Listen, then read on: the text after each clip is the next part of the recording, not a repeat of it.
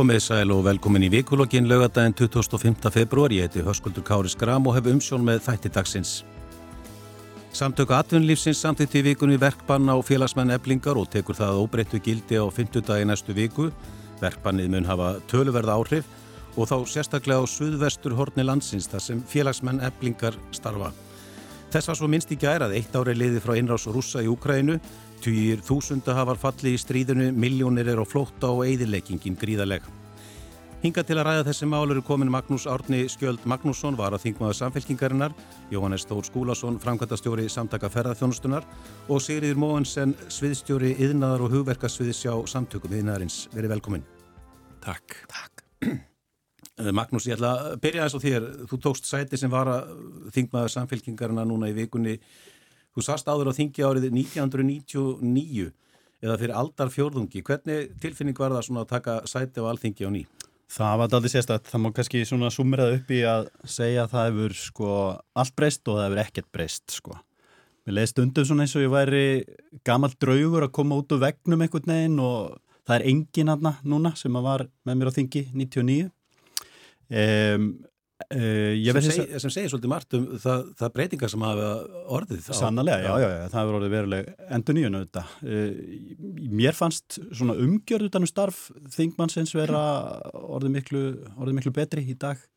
Það eru uh, starfsmenn þingflokka sem eru bánir og búir, búinir til þess að aðstofa við alls konar hluti sem að, jújú, jú, það var einhver svona einhver mikromynda því 99 en ekkert svipað í dag Um, sami góði andin eins og er og, og hérna já, það var bara mjög ánægileg lífsensla að standa þarna aftur? Já, tölvu teknin svona orðin áberandi meira heldur en var árið 1999 það ekki? Jú, passar. Við hérna þingmennir áttum í samskiptum á, á farsimunum okkar sem var auðvitað ekki til staðar árið 1999 Ekki nema litlu marki. Nei. Uh, Förum yfir í kannski það sem að já, hefur verið mjög áberandi í frettum í vikunni. Það er uh, það að í gær var minnst, þess minnst að árið liði frá innrás rúsa í Úkrænu og daglega eru, eru flutta fréttir af skjálfilegum árásum og mannfalli og við erum kannski orðin eitthvað já, dofin fyrir þessum fréttum, Jónis, eða hvað?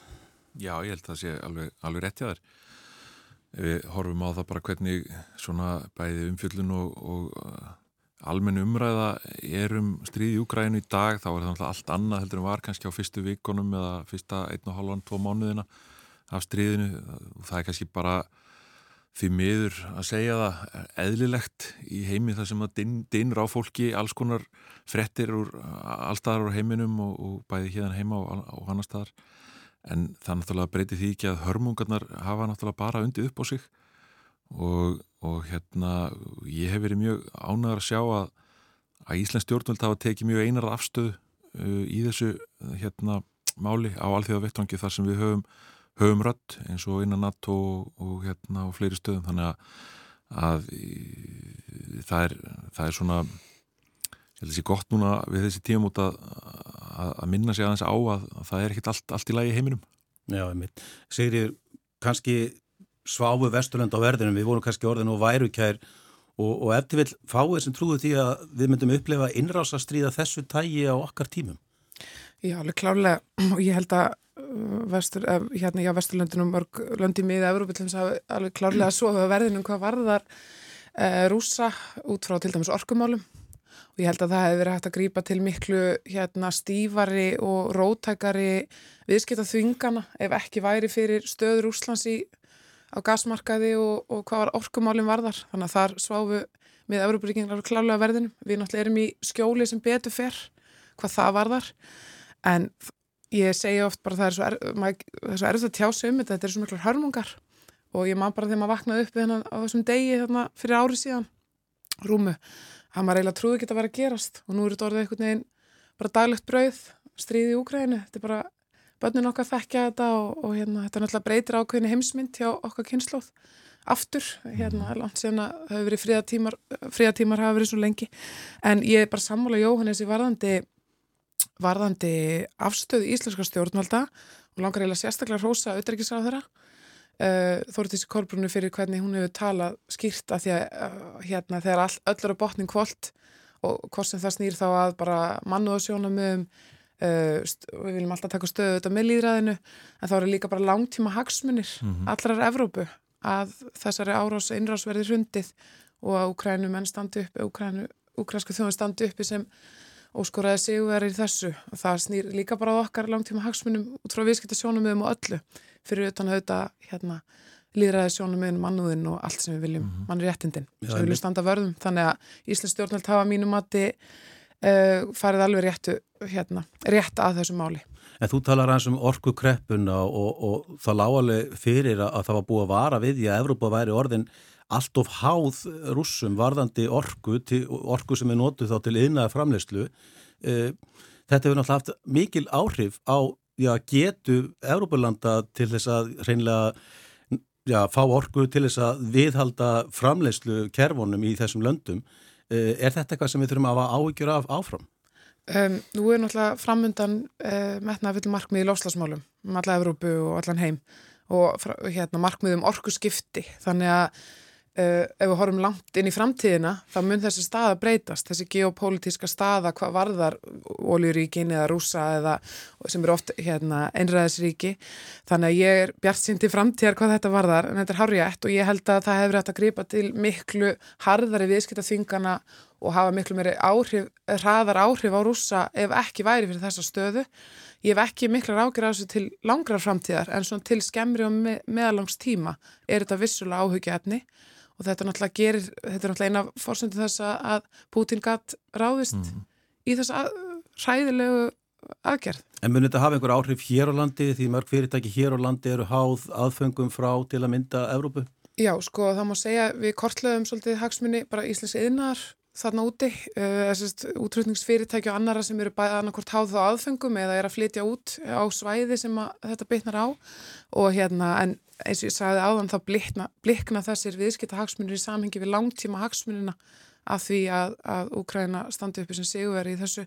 Og við hefum að steyðja það með ráðum og dáð og taka þátt í að mínum að öllum viðskipta þingunum af því að þessir útlunnshagsmunir blikni í samanbörunum en vissulega hafði þetta neikvæð áhrif á fjölmarka til dæmis félagsmenn samtaka einaðarins mm. sem er kannski eitthvað sem að fólk er ekki meðutað um og við vorum bara að reyna að kortleika stöðun á þessum tíma þegar einrásun hófst og í kjölfarið en menn eru fljótir að aðlaga sig kom, reyna að komast inn á þá nýja markaði í staðin og annað.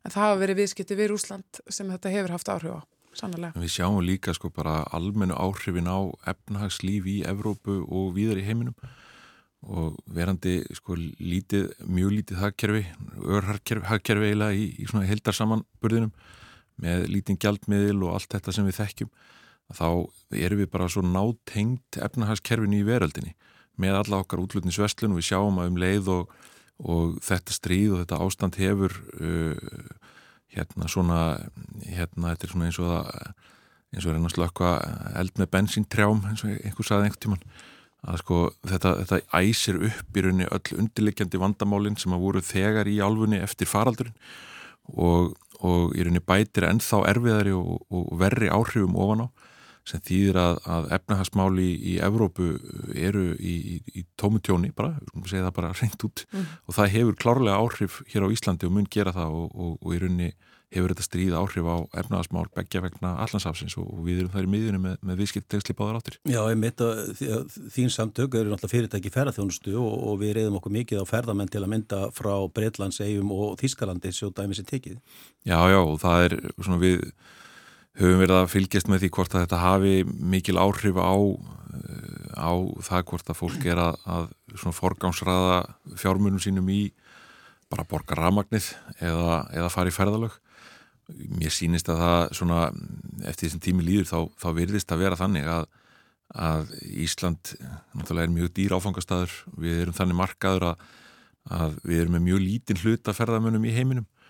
Og þetta virðist ótrúlega sagt ekki hafa mikil áhrif á þann hóp ferðamanna sem er að koma hinga þar að þeir eru að halda áfram að koma eins og til frá Breitlandi sem að koma okkur satt að segja svo litið óvart.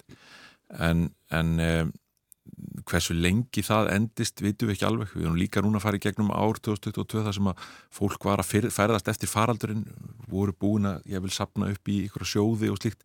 Þeim verður vantarlega ekki til að dreifa eftir þennan vetur og inn í næsta sumar þannig að þetta er, þetta er allt svona náttúrulega breytingum háð. Emil Magnús, eh, Íslands stjórnvöld og allur þingheimur hefur fordæmt þessa innrás Sumir hafa kallað þetta því að við slítum hreinlega stjórnmálasambandi við rúsa og, og rekum sendiherran og landi ertu samála því? Já, þetta er rétt hjá þér að, að það eru þetta sko, þetta eru fordama lausi tíma sem var náttúrulega þá gömlu klísju og, og sko og uh, það var, það var uh, ég var hræðu við að vera viðstattur uh, umræðina um, á, og álíktununa um hóludómor í vikunni, það er að segja hungursneiðina sem, að, sem var sköpuð af, á Stalinstímanum. Og sjá samstöðuna með Úkrænu inn á þingi og, og við sjáum það að, að hérna, þetta hefur náttúrulega sko, styrt mjög samstöðu Evrópu þjóða og, og, og Vesturlanda og er að breyta svona daldið sko, já, eiginlega bara mjög mikið svona hugsuninni hvað varðar e, varnir þessara ríkja til framtíðar. Við sjáum það núna að við þurfum að bú okkur undir það að, að e, berjast e, jafnvel fyrir, fyrir líf okkar á, á vývöllinum um, og öll Európuríki eru að huga því að, að styrkja sínar varnir verulega.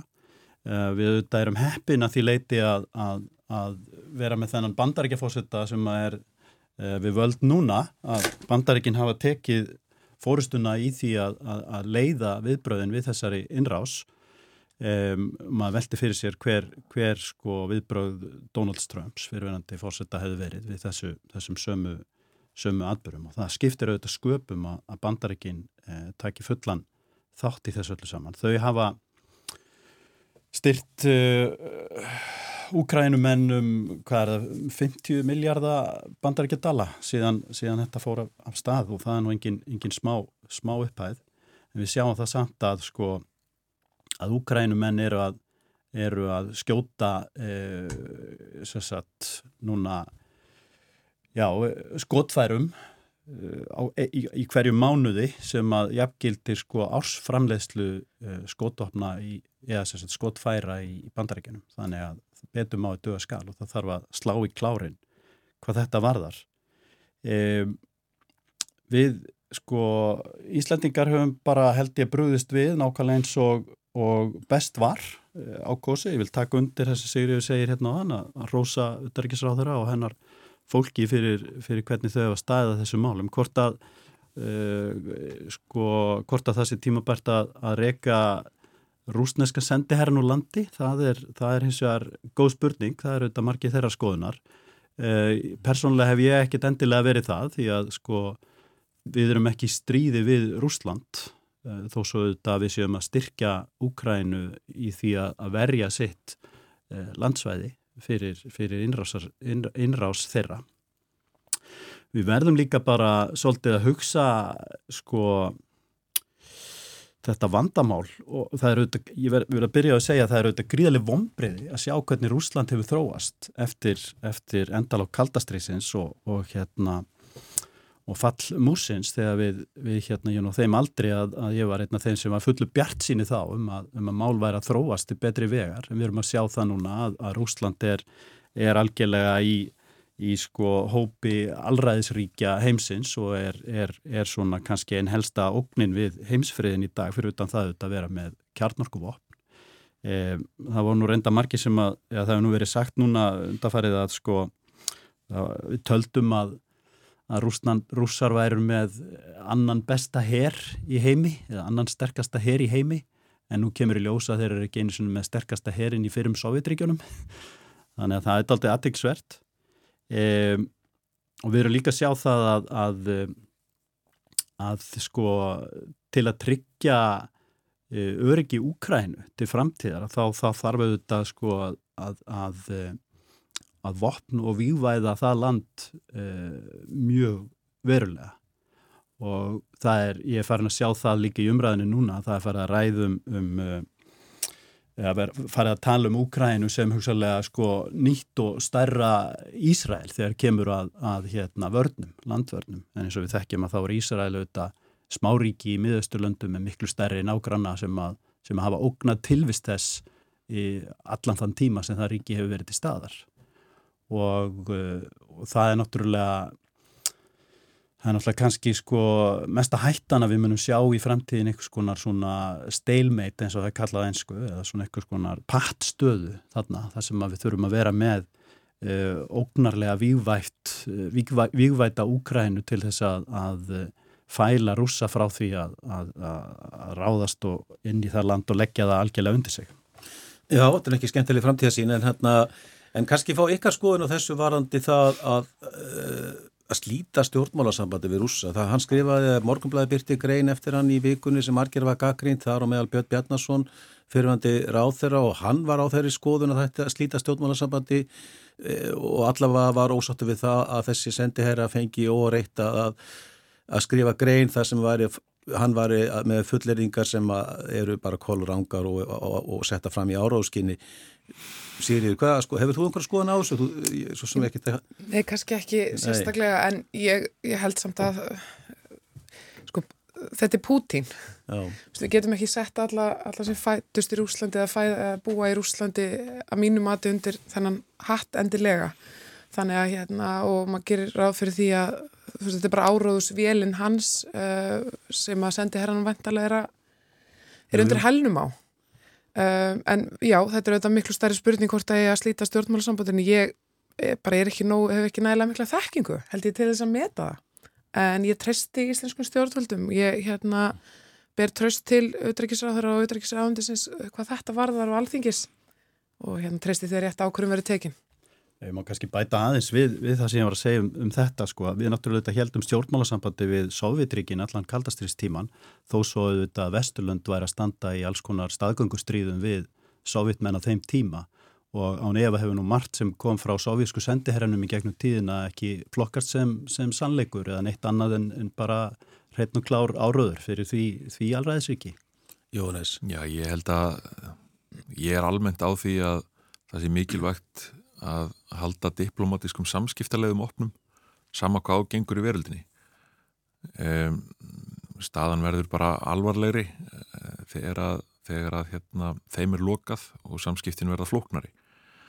Um, þetta er náttúrulega mjög sérstök staða hins vegar og ég held að það sé alveg rétt sem að hérna kemur fram sko að, að hérna bæði þekki við þetta ágætlega að vera í þeirri stöðu að þurfa að halda uppi diplomatískum samskiptum við ímsa aðila í veröldinni verandi smá ríki í, í stórum viðbörðum e, en svo held ég eins og núna þá, þá getur líka bara skipt máli fyrir Íslands stjórnvöld að geta kallað þennan rúsnarska sendiherra inn á teppið hjá sér og farið yfir það með honum hvað Íslandsku stjórnvöldum finnst um það sem er að gerast eða það sem að hann lætur frá sér út í samfélagið hér. Ég er ekki á því að það sé hlutverk uh, fjölmila að, að reyt skoða það sem að frá ellendum sendiherrum kemur. Ég held að að þjóðun í landinu sé bara alveg fullfærum að lesa það og leggja sitt mat á það hvað það stendur sko. Algjörlega sammála því. Förum þá aðeins hérna, heim til Íslands og, og, og förum við í þetta mál sem kannski er það stærsta og var það stærsta í vikunu og undan, hefur verið það undanfarnar vikur, það er þessi deila eblingar og samtaka atvinnlífsins til, til, til Jóhannes og, og Sigriði, til til er náttúrulega samtökum atvinnlífsins. Ég ætla að byrja á þér Magnús Tessuna.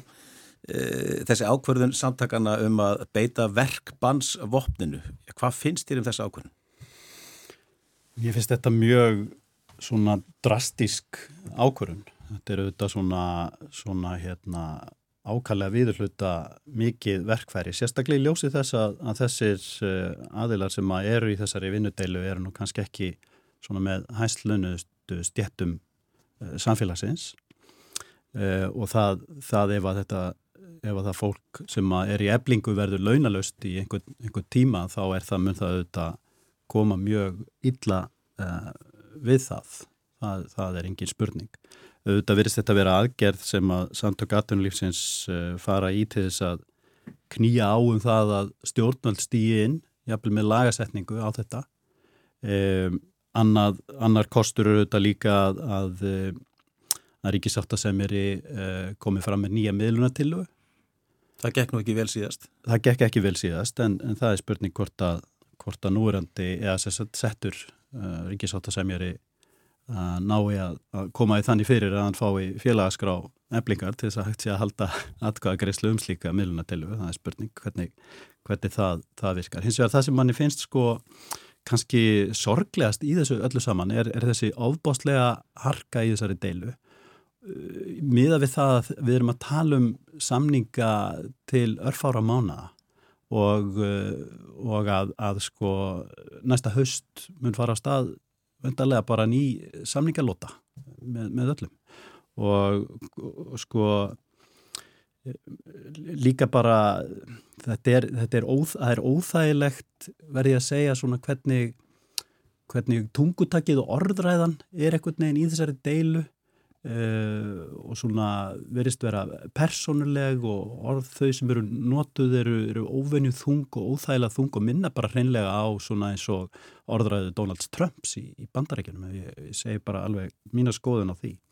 Hins vegar beru þetta líka ríkistjórnin ábyrð á því hvernig ástandið er í, í hérna, samfélaginu í dag. Það eru þetta mikil verðbolga hérna, stjórnvöld hafa algjörlega mist tökin á, á henni og, og sko húsnæð og leiguverð fyrir sko fólk sem að býr hér á höfuborgarsvæðinu eru þetta út úr öllu korti. Um, ég þekki það sjálfur að, að hérna að vera sagt, eh, með litla tekjur á, á, á leigumarkaði sem að er, er brattur, ég var sjálfur að læri í San Francisco á, á hátindi Eh, .com bólunar, bólunar þar og, og meir og minna öll námslánum mín fóru í það að borga leigu. En þar var hins vegar sko leigubremsa. Eh, þannig að ég fór inn á 850 dólarum á mánuði sem voru miklu peningar þá stort hlutvall af námslánum mínum. Eh, en þegar ég fór út tveimur ára setna úr íbúina þá hækkaði leigan þar upp í sko upp í 2000 dólara sko. Þannig að hérna Þannig en, en þetta, þetta gerir það verkum að ég rættist ekki út úr húsnæðinu, skilur mig. Þannig að það er eitthvað svona úræði held ég sem að, að, að stjórnvöld ættu að, að velta fyrir sér. Sko þetta verkbann er samþýtt í atkvæðagreyslu samtaka aðildar fyrirtækja samtaka atvinnulífsins en þetta er ekki eitt fyrirtæki, eitt atkvæði. Þetta er, já, fer eftir starð fyrirtækja, Jónis. Er, er þetta svona líðræðislegt?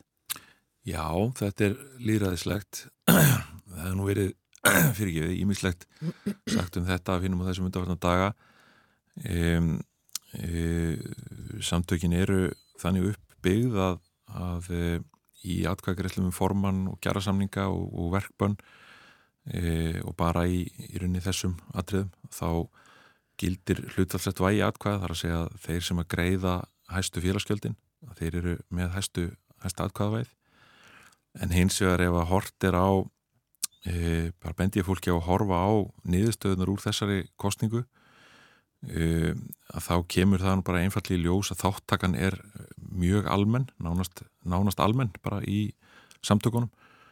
Og að e, ef að þarna hefði farið fram atkvæðagreysla með það sem eitt fyrirtæki hefði haft eitt atkvæði þá eru samt sem áður 80% sem hefðu samþygt verkbannið í stæðin fyrir 94% þannig að munurinn er nú ekki meir en það vægi þessara stæstu fyrirtækja. Þannig að það, þetta séu stæstu fyrirtækin sem að séu bara að samþykja verkbanni, það er bara ránt en ef við skoðum aðeins verkbann, sko, ég vil bara taka undir með Magnúsi, þetta er bara ömulegt verkværi og það er ömulegt, jafn ömulegt verkværi og verkvöld um, og, og ég held að, að ég, ég við töluðum við mjög mikið okkar félagsbönnum í, á meðan atkvæðagreslun stóð. Og það var engin sérstaklega sáttur við að þurfa að fara út í hérna þessa e, þessa vekkferð en, en Varst, varst þú samþykkur að fara þessa leið? Já, ég var samþykkur í að fara þessa leið vegna þess að ég svona, í stöðunni þá er maður því miður ekki farin að sjá mikið af kostum. Um, og verkbannir í grunninn bara speiklun verkfalla í vinnulögjöfunni uh, þetta eru þvingunartæki hvort tvekja sem að íta og þrista á um það að hinn aðilinn uh, komi að samningaborðinu eða slagi á því sem hann er að gera. Uh, fyrsta markmið verkbanns er kannski ekki hér að láta um, byggja ríkistjórnum að gera eitthvað að íta henni uppið hotn til að hún gera eitthvað heldur fyrst og fremst til þess að reyna að koma í vekk fyrir að, að verkvöldin verði áfram og reyna að koma fólki að samningaborðinu, ég held að fólk hafa nú séð það kannski í hérna, fjölmjölum í gær, sem að Solveig og Haldur Benjamin tókust á að, að það er allir rótni þreyttir á þessu og, og kannski bara til í að aflýsa öllu dóttinu ef að hinn er til í að vera með sko. þannig að, og það er bara eh, hérna, mjög gott ég held að, sko, við ágætt bara að segja það hér að, sko, við sem stöndum í þessu erum alveg að bleiða á þessu eins og allir í þjóðfélaginu sko. og hérna, það er nú bara þannig eh, okkur langar mjög mikið til þess að það verði hægt að semja um þessa deilu uh, eins og Magnús sagði þá er þetta mjög sérstök staða að vera í um, þegar að verður að horfa til mjög skamstíma um, það er talað um að, að hér séum láluna fólk að ræða og það er alveg rétt og ég ætla ekki að halda þið fram að neitt sé of alin af sínum launum sem er á eflingasamningunum, alls ekki.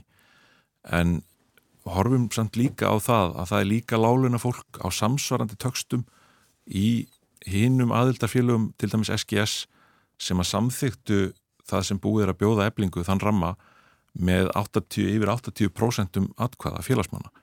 Þannig að það, það er ekki eins og það sé bara verið að tróða á lánunafólkinu og það sé eitthvað hálunafólk sem hafi samþygt hennar ramma. Og annað sem ég vil nefna líka, bara svona fyrir sammingi, að, að, að sko það er hækkanir sem að, sem að félast í SGS-samningnum á einu ári, það eru tvöfalt herri um það bil, heldur en það er hækkanir sem fórust í, í fyrsta ári lífskjærasamningana 2019. Það er tvöfalt herri.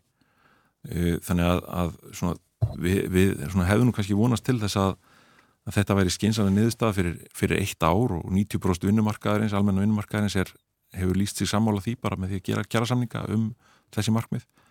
Og eru byrjaðar að vinna með okkur um e, stað næstu, undirbúningi næstu samninga og, og það væri bara óska staðan ef að, ef að við værum á þeim stað með eblingu eins og 90% af, af vinnumarkanum. En Sigrir, það er eitt sem ég hef ekki skilið almenlega, sko áður en samtök aðlinsins ákvaðu að grípa til verkbans vopsins, þá var talað um það að þessar takmörkuðu aðgerði, verkbalsaðgerðir, eblingar myndu hafa slæm áhrif og jafnvel viðtak, lama, hitt og þetta. En svo er, þess vegna finnst mér að fengur öfusnúið að sko það eru samtök aturlýsins sem, sem að beita þessu verkbansvopni og loka raunverulega öllum fyrirtækjum í stað þess að við varum bara að horfa upp á takmarkaðar aðgerri eflingar.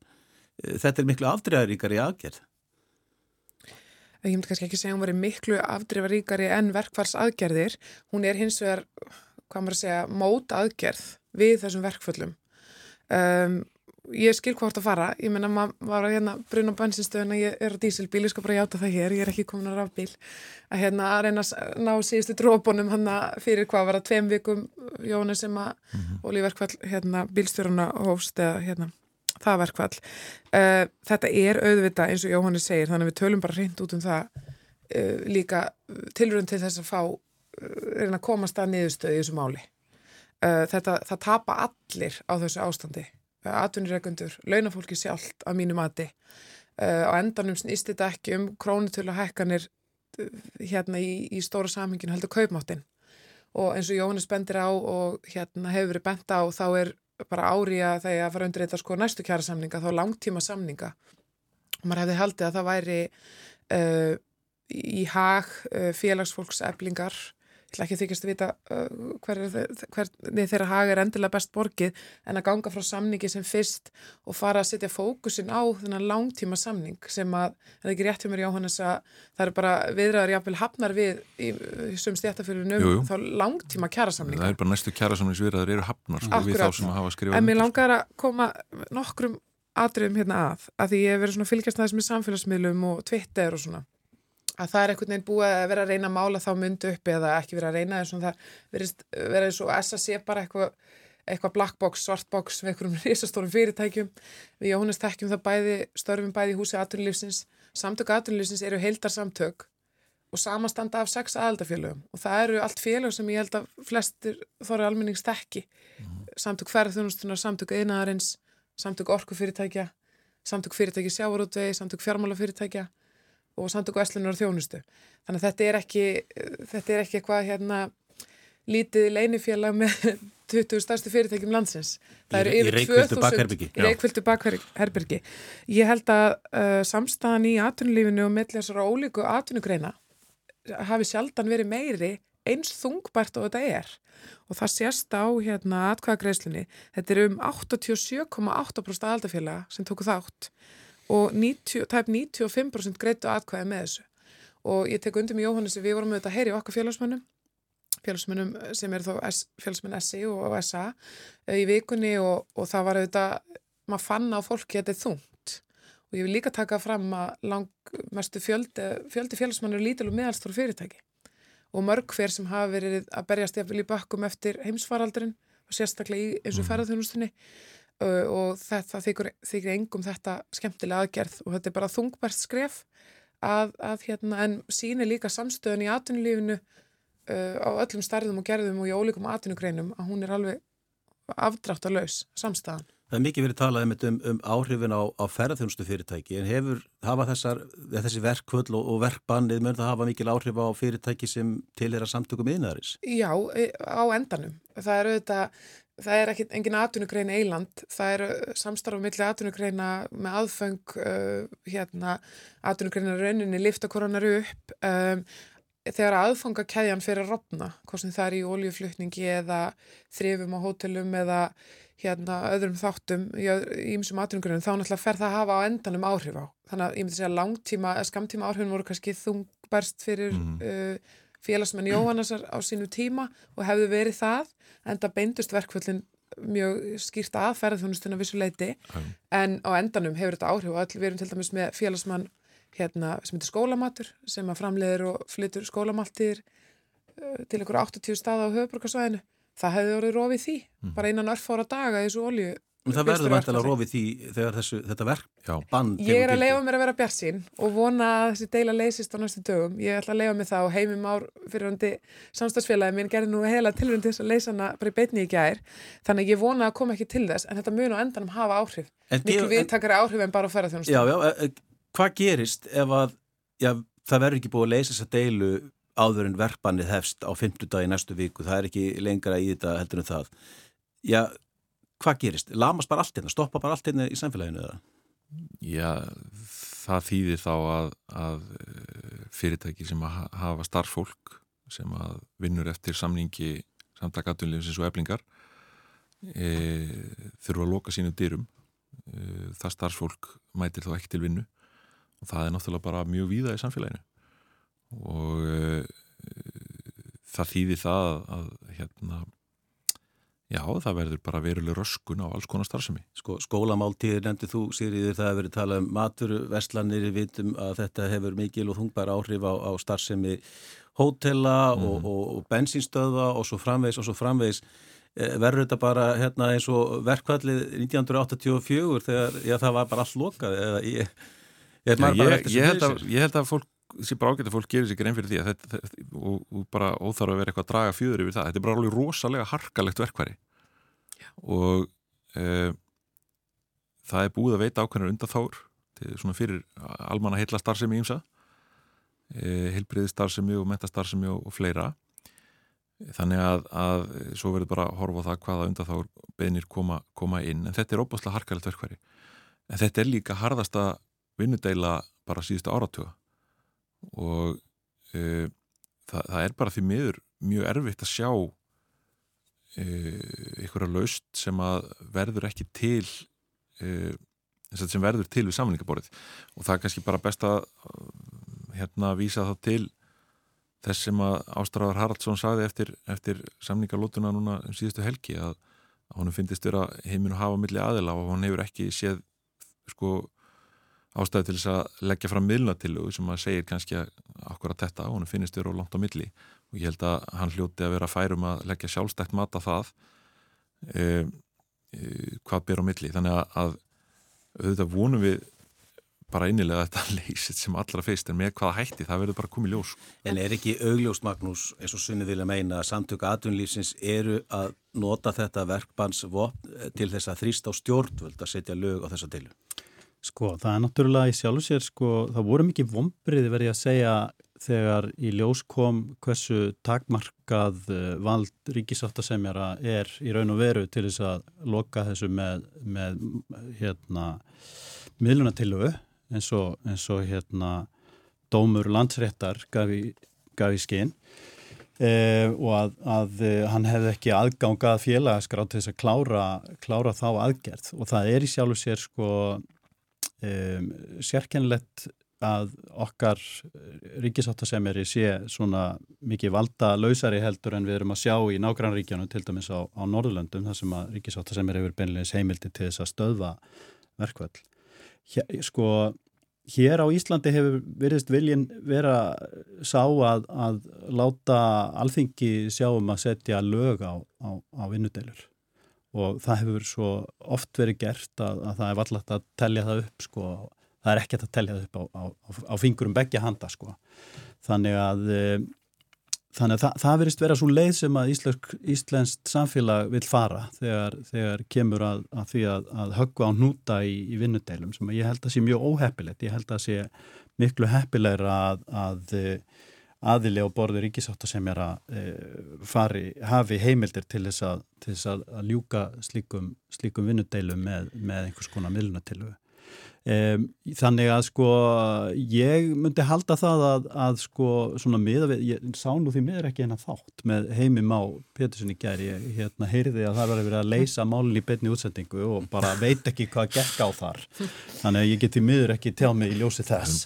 En sko það sem mér hefur sínst eins og það er að sko þetta sé bara það sé engin vilji til þess að klára þetta í, í samningum. Og ég minna það, það er það sem að sko kom fram í máli e, Setts ríkisáta sem er að Ástrás Haraldssonar sem, sem er nú librari en, en flestir í að, að hérna að e, fá fólk að, að samningaborði og, og, og, og hérna ná, ná fólki saman. Þekki það, þekki það mjög vel.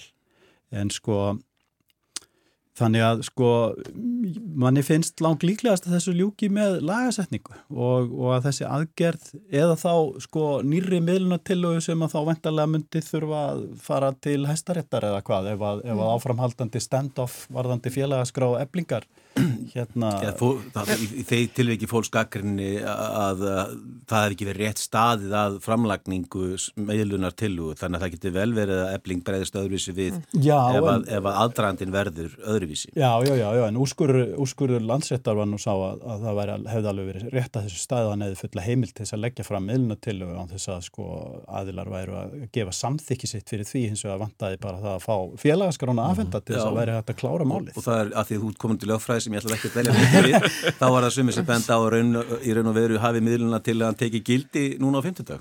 Einmitt, og, og sé, það sé kjara saman og þá spyr maður sig sko, er það ekki sama með þá miðluna til og, og hérna þegar kjara samningar eru undir þetta, er það fresti þá sko áhrifum verkfalla og var slíkt sko. Já, já, en það var, var Það vilist verið einhver vafi um það í, í, í nýlegum fílastómi En varandi, má ég aðeins grípa inn í þetta, varandi sko, það vilist ekki vera vilji og, og allt það, ég held að það er allir sammálum að uh, lagasetning er algjörst neðarúræði og þá vil ég bara benda á að það, hérna, svona staðrind sem að, ég veit ekki, minnst ekki nægilega mikið kannski umræðinni, það er búið að ganga frá kjærasamningi fyrir um 90% alls vinnandi fólks á almennu vinnumarkaði. Jú, ég held að Haldur Bænjamin hafi sagt þetta svona þúsund. Já, ég ætla bara að segja þetta aftur og aftur að því að mér finnst mikilvægt að ítrekka þetta vegna þess að vilji halva atunlýfsins er algjör til þess að ganga frá kjærasamningi og þess að vinna við það að gera kjærasamninga uh, það er hlutverksamtaka aðunlýfsins og ég held að Jónas geti tekið undir með mér að það er ríkur vilji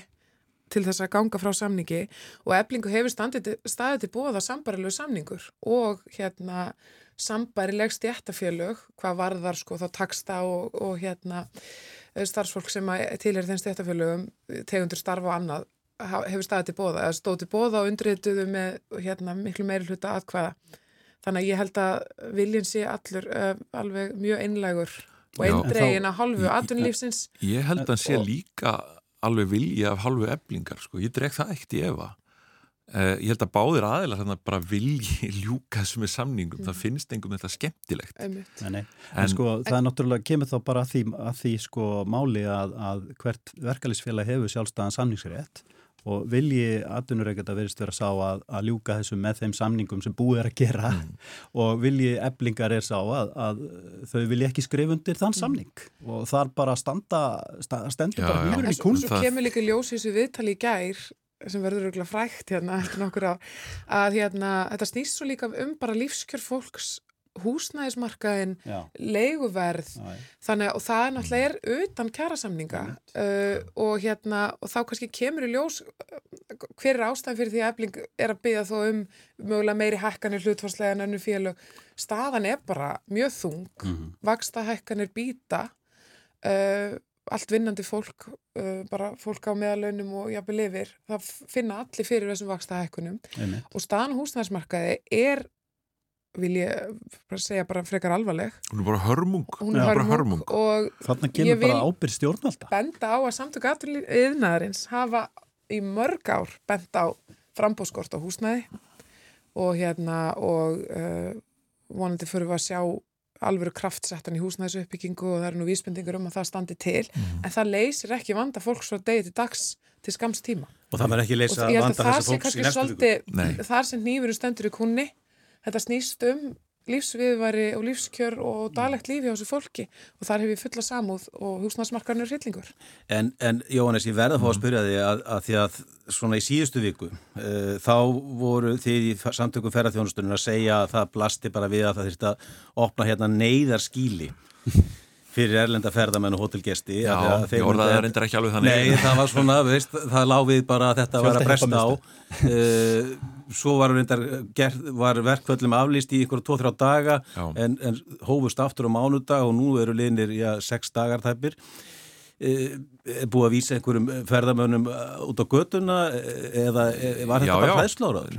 Nei, þetta var ekki hræðsluðuróður. Það sem hefur gerst er það, sko, til að byrja með þá er þessi grein náttúrulega, sko, reddandi hlutum alladaga. Og svona reddingafasinn, náttúrulega, tekur við sér þegar að menn horfa fram á svona, svona ástand. Um, og uh, það sem við vorum að benda á var það að við, við vöktum aðtikla á því að það væri þarna raunverulegur vandi uppsýklingu og, og hann er alveg raunverulegur og, og, og það sem hefur gerst eins og er það að það leiða aðeins lengri tími sem því það að það gáist fleiri dagar til þess að hafa samband við gesti, ná sambandi við fólk. Um, og við horta á þetta bara þannig að ég talaði við og búin að vera í daglegu sambandi eiginlega við fósásmenn þessara hótela sem eru í verkfalli núna. Og uh, bara á miðvíkudaginn þá voru þau ennþá mjög uggandi um þessa stöðu núna fyrir þessa helgi fyrstulega þetta sunnudag sérstaklega. Þá var verið að byrja að loka dyrum ekki taka við nýjum gestum og svo framvegis á, á fyrstu hótelum á 50 dag minni mig. Og það leiti út fyrir að þetta gæti orðið í allt upp undir kannski þúsund mann sem að þyrtu að finna sér húsnæði þegar að væri búið að fylla upp í alla hótelgistingu og mögulega meiri gistingu sem að væri í bóði á höfuborgsvæðinu. Það sem hefur gerst síðan er það að e, hérna e, þegar að var búið að senda út er, það hefur henni bara tekist betur að, að hafa samband við fólk og ná til fólks eldur en von var á og núna síðust daga þá erum við að sjá það að, að e, það eru færri gestir að koma e, á þessi hótel heldur en við byggumst við. Og e, ferðamálastofa hefur unnið í því að setja upp neyðarlínu fyrir þá sem að ekki hafa gistingu eða geta ekki bjarga sér um gistingu sjálf. Og það hafa verið um í gærkvöldi, sá ég tölum það það voru búin að vera um það byrð þúsund símtöl í þá neðalínu, þannig að vandin er raunverulegur Það er Og- þá ferðamenn sem eru ekki með Það hótelgistingu Já, það er rauninni ferðamenn sem koma þá að lokuðum dýrum eða ferðaskrifstofur sem er að koma með hópa og er að horfa inn í næstu dag og hvar, fá hjálp við að, að sjá hvar þeir geta komið þeim fyrir. Þannig þannig að sko, ég stend fyllilega við það að vandin er raunverulegur en það er hins vegar að takast betur að vinna úr því og, og uh, við vitum ekki, við viljum að sjá aðeins hvernig þetta verður í dag. Dagurinn í dag gæti orðið flókin og mögulega morgun líka, já það er bara það er mikið magna fólki að koma inn. Og uh, hérna uh, og síðan þurfum við að sjá aðeins uh, inn í næstu viku hvernig, hvernig það verður. En, en þetta er svona staðan svona bak við þessi þúsund símtöl í, í neðalínuna hjá ferðarmálastofu þá eru kannski 2-3 þúsund gestir Þannig að þetta er ekki svo að það sé að koma hérna einhver bresk hjón í romantíska helgaferð til Íslands og ætla að dvelja hérna á fimmstjörnu hóteli í miðbók Reykjavíkur en enda á einhverjum hermannabetta í, í Ífrútahúsinu í Keflavík. kannski ekki á, á Hermannabetta í Íþróttahúsinu í Keflavík, nei, en mögulega á mögulega til dæmis á uh, gistiheimili eða í Airbnb sem er ekki af þeim klassa sem þau ætluðu sér að vera á skiljum við, þannig að þetta er í fyrir grein sem að stendur í þjónustu fólk alla daga að þá er þetta bara þá er þetta verulegt vandamál þó að fólk sé ekki á götunni sjáðu til. Þannig að þetta hefur áhrif á sérstaklega e, orðspór þessara fyrirtæki sem verða fyrir þessu, þetta er mjög erfitt fyrir þau.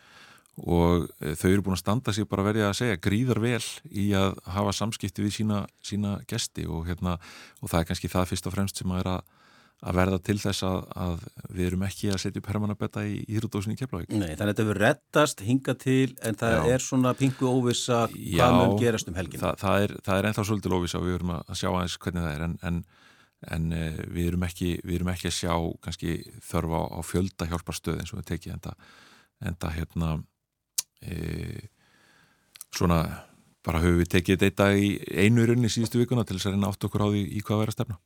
Já, Sigriður, hérna, ég ætla að hoppa yfir annað því að þú talaði eins og fastegnamarkaðin hérna rétt áðan og, og, og, og það komin bara tölu frá Hagfræðil landsbankast núna í vikunni greining á því hvað var að gerast á fastegnamarkaði sem sínir að Já, bara kólnun. Ég held að séu komnir einhverju þrýr mánuður í röð sem að eh, fastegnaverð hefur farið lækandi.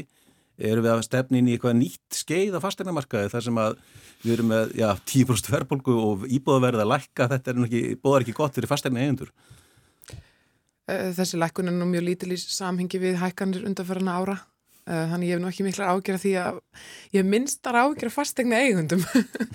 Ég held að það sé einmitt fólki sem er komið í skjól og, og hérna, það hefur miklu meira áhugir af leyendum og, og legumarkaðin. Þetta er alltaf fólk sem er að taka á sig, eh, já, annarkort verðtriða hækkun á, á, á Já, hérna, og svo vaksta hækkanir og overtriðlánunum. Og svo ofanalag er eigi fyrir að gufa upp á saman tíma. Mögulega. Ég, hérna, ég ætla ekki að þykast vera með kristalskúlu og geta spáð fyrir um þetta. Þetta eru mjög óvennilega aðstæðar samt og með, með verðbólgu, að því oft hefur fastegna verið verið að drífa áfram verðbólguna.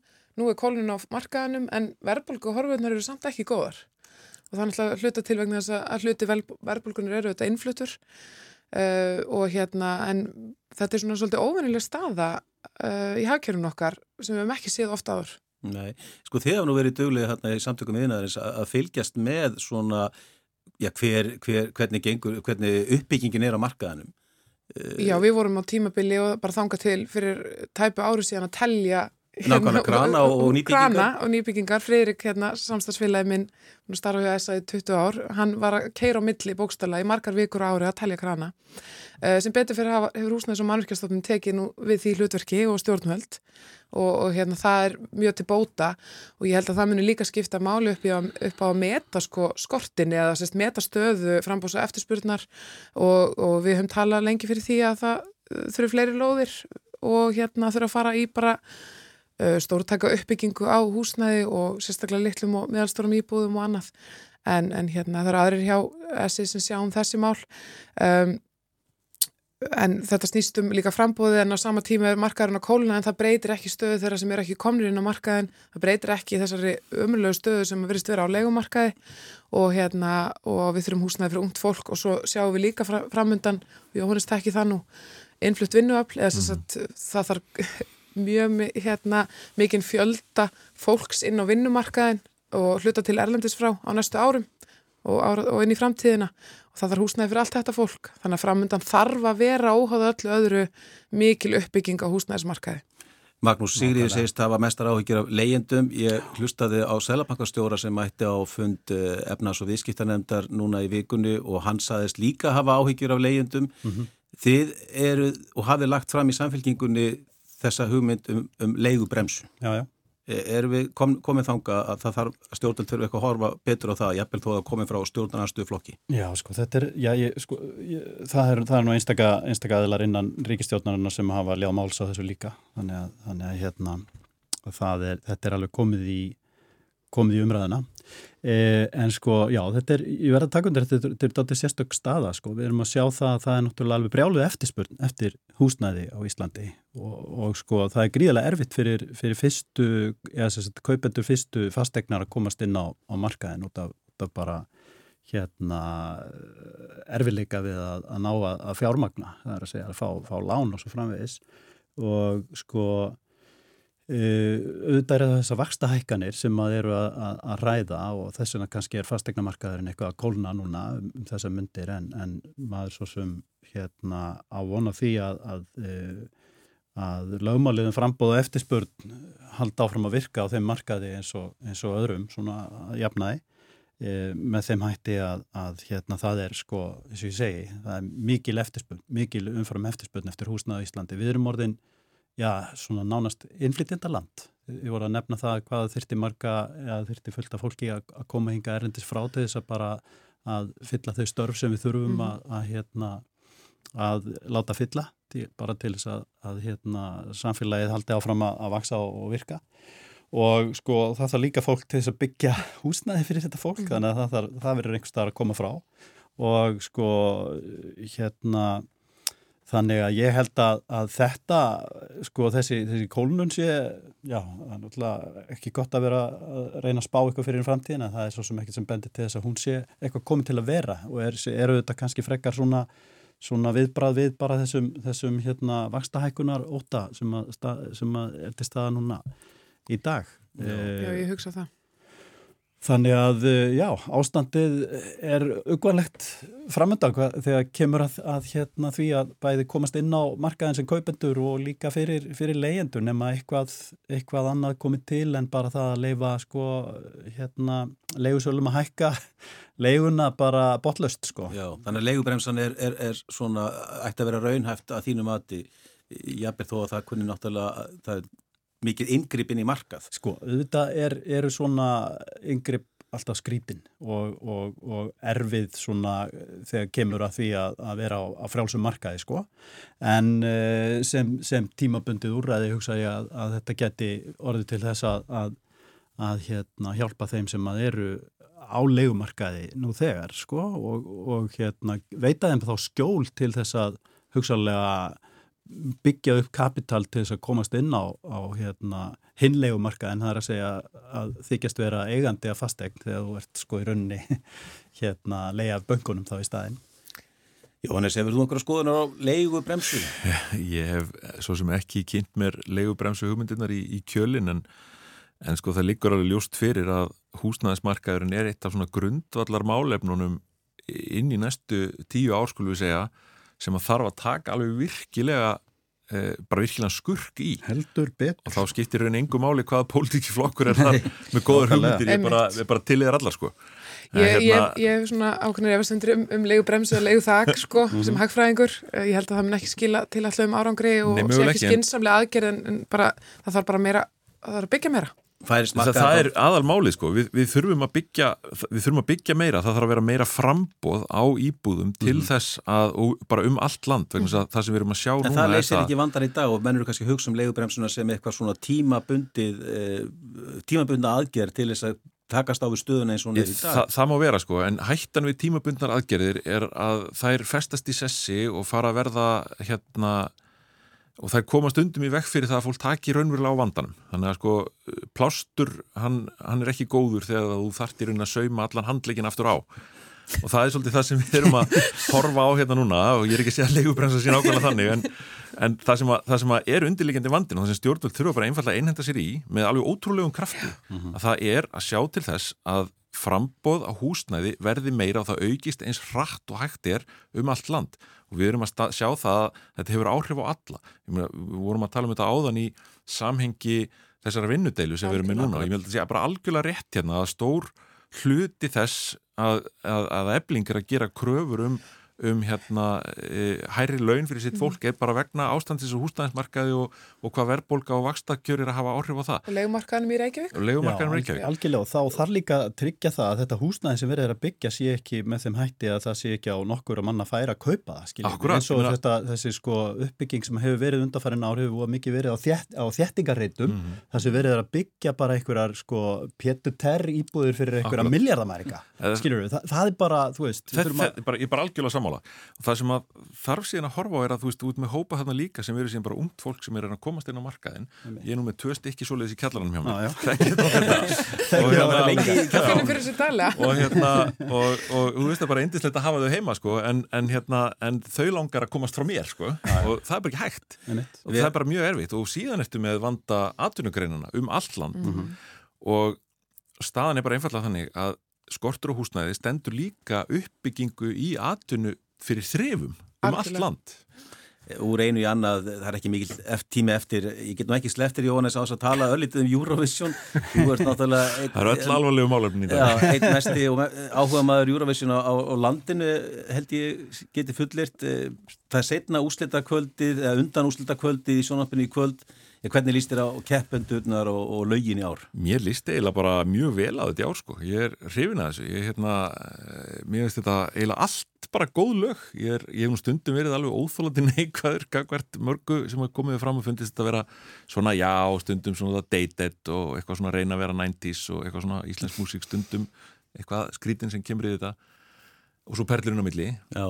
En núna finnst mér eiginlega bara að vilja ekkert lag sem ég fannst leiðilegt. Það kom mér svolítið óvart. Eru við að fara alla leið núna í þetta, þetta ári? Nei, en á, samaskapi sko, þá, þá er ekkert þarna sem að stendur út úr þannig að maður sjáu það einhvern veginn taka alvöru slag við svona sumt af því besta sem að við erum búin að sjá til dæmis eins og ítalska lagi eða, eða nokkur önnur sem, að, sem eru þarna mjög, mjög sterk. Og svona, þegar fólk er, er búið að horfa söngkeppni í kvöld þá erum að gera að svissa yfir á, á sænska sjónvarpið og, og, og taka melló þar er Lorraine að keppa í kvöld og þykir mjög sigurstrángleg og ég vil í keppni allri. En ég er mjög spenntur fyrir að sjá hérna kannski kvöld er ég sérstaklega spenntur að sjá Úlvar hérna, um, ég er mjög hrifin að því lagi og, og, og bara hann sem persóna er að koma virkilega bara sterkur fram fyrst mér. Þannig að við vitum hvað þú ætlar að gera í kvöld. Já, ég held að það sé, það sé ekkert það sé ekkert skrítið sko. Svo náttúrulega langið sér skuggarnir fyrir okkur miðaldrungana þá er það náttúrulega stórkostlega fréttir. Frábært band. Uh, Sigriður, hvað er framöndan hjá þér um helgina? Ég, sko, ég er ekki, ekki mikill Eurovision aðdáðandi ég veit að þetta er alls sjokkrandi fyrir Jónas að heyra þetta. Uh, en hérna, mér finnst eitt lag að það er rosa flott. Ég heyri það fyrir einhverju tilvíðin hérna, gleima þér og dansa Þannig ég er að spáði bara að gleyma mér að dansa jáfnvel í kvöld. En hérna, en, jú, almennt finnst mér loka kvöldi á Eurovision, keppnin sjálf, skemmtileg. Því það er nú alltaf bóðið í hérna, gott matabóðið eða partí. Mm. En ég ætla nú bara að reyna að kvíla mig um helgina. Það var mikið að gera í vikunni hjá okkur. Magnús. Já, ég hef nú aðeins að koma því að líka, ég hef nú held ég þrísar að fjóri sem sendt lagin í Eurovision en það hefur ekki hlutið náð fyrir nefndana en þá. Eh, mér finnst þess að sko það skemmtilega við Eurovision undarfærin ár að, að þarna er að koma fram fullt af nýjum artistum sem maður hefur aldrei séð áður sko. Mér fannst svona tímabili, kannski 20 ára tímabili mm. að vera alltaf sama fólkið sko en hérna núna er það að breytast. Ég veit ekkert hvað ég ger í kvöld, ég hugsi ég horfi bara á einhverja Netflix-seríu eða eitthvað. Ég verð það líka. Magnús Sigriður Jóhannes, takk hjá það fyrir komuna í vikulokkin þáttunum verður á sínum stað á lögata eftir viku. Við þökkum fyrir okkur, við erum sæl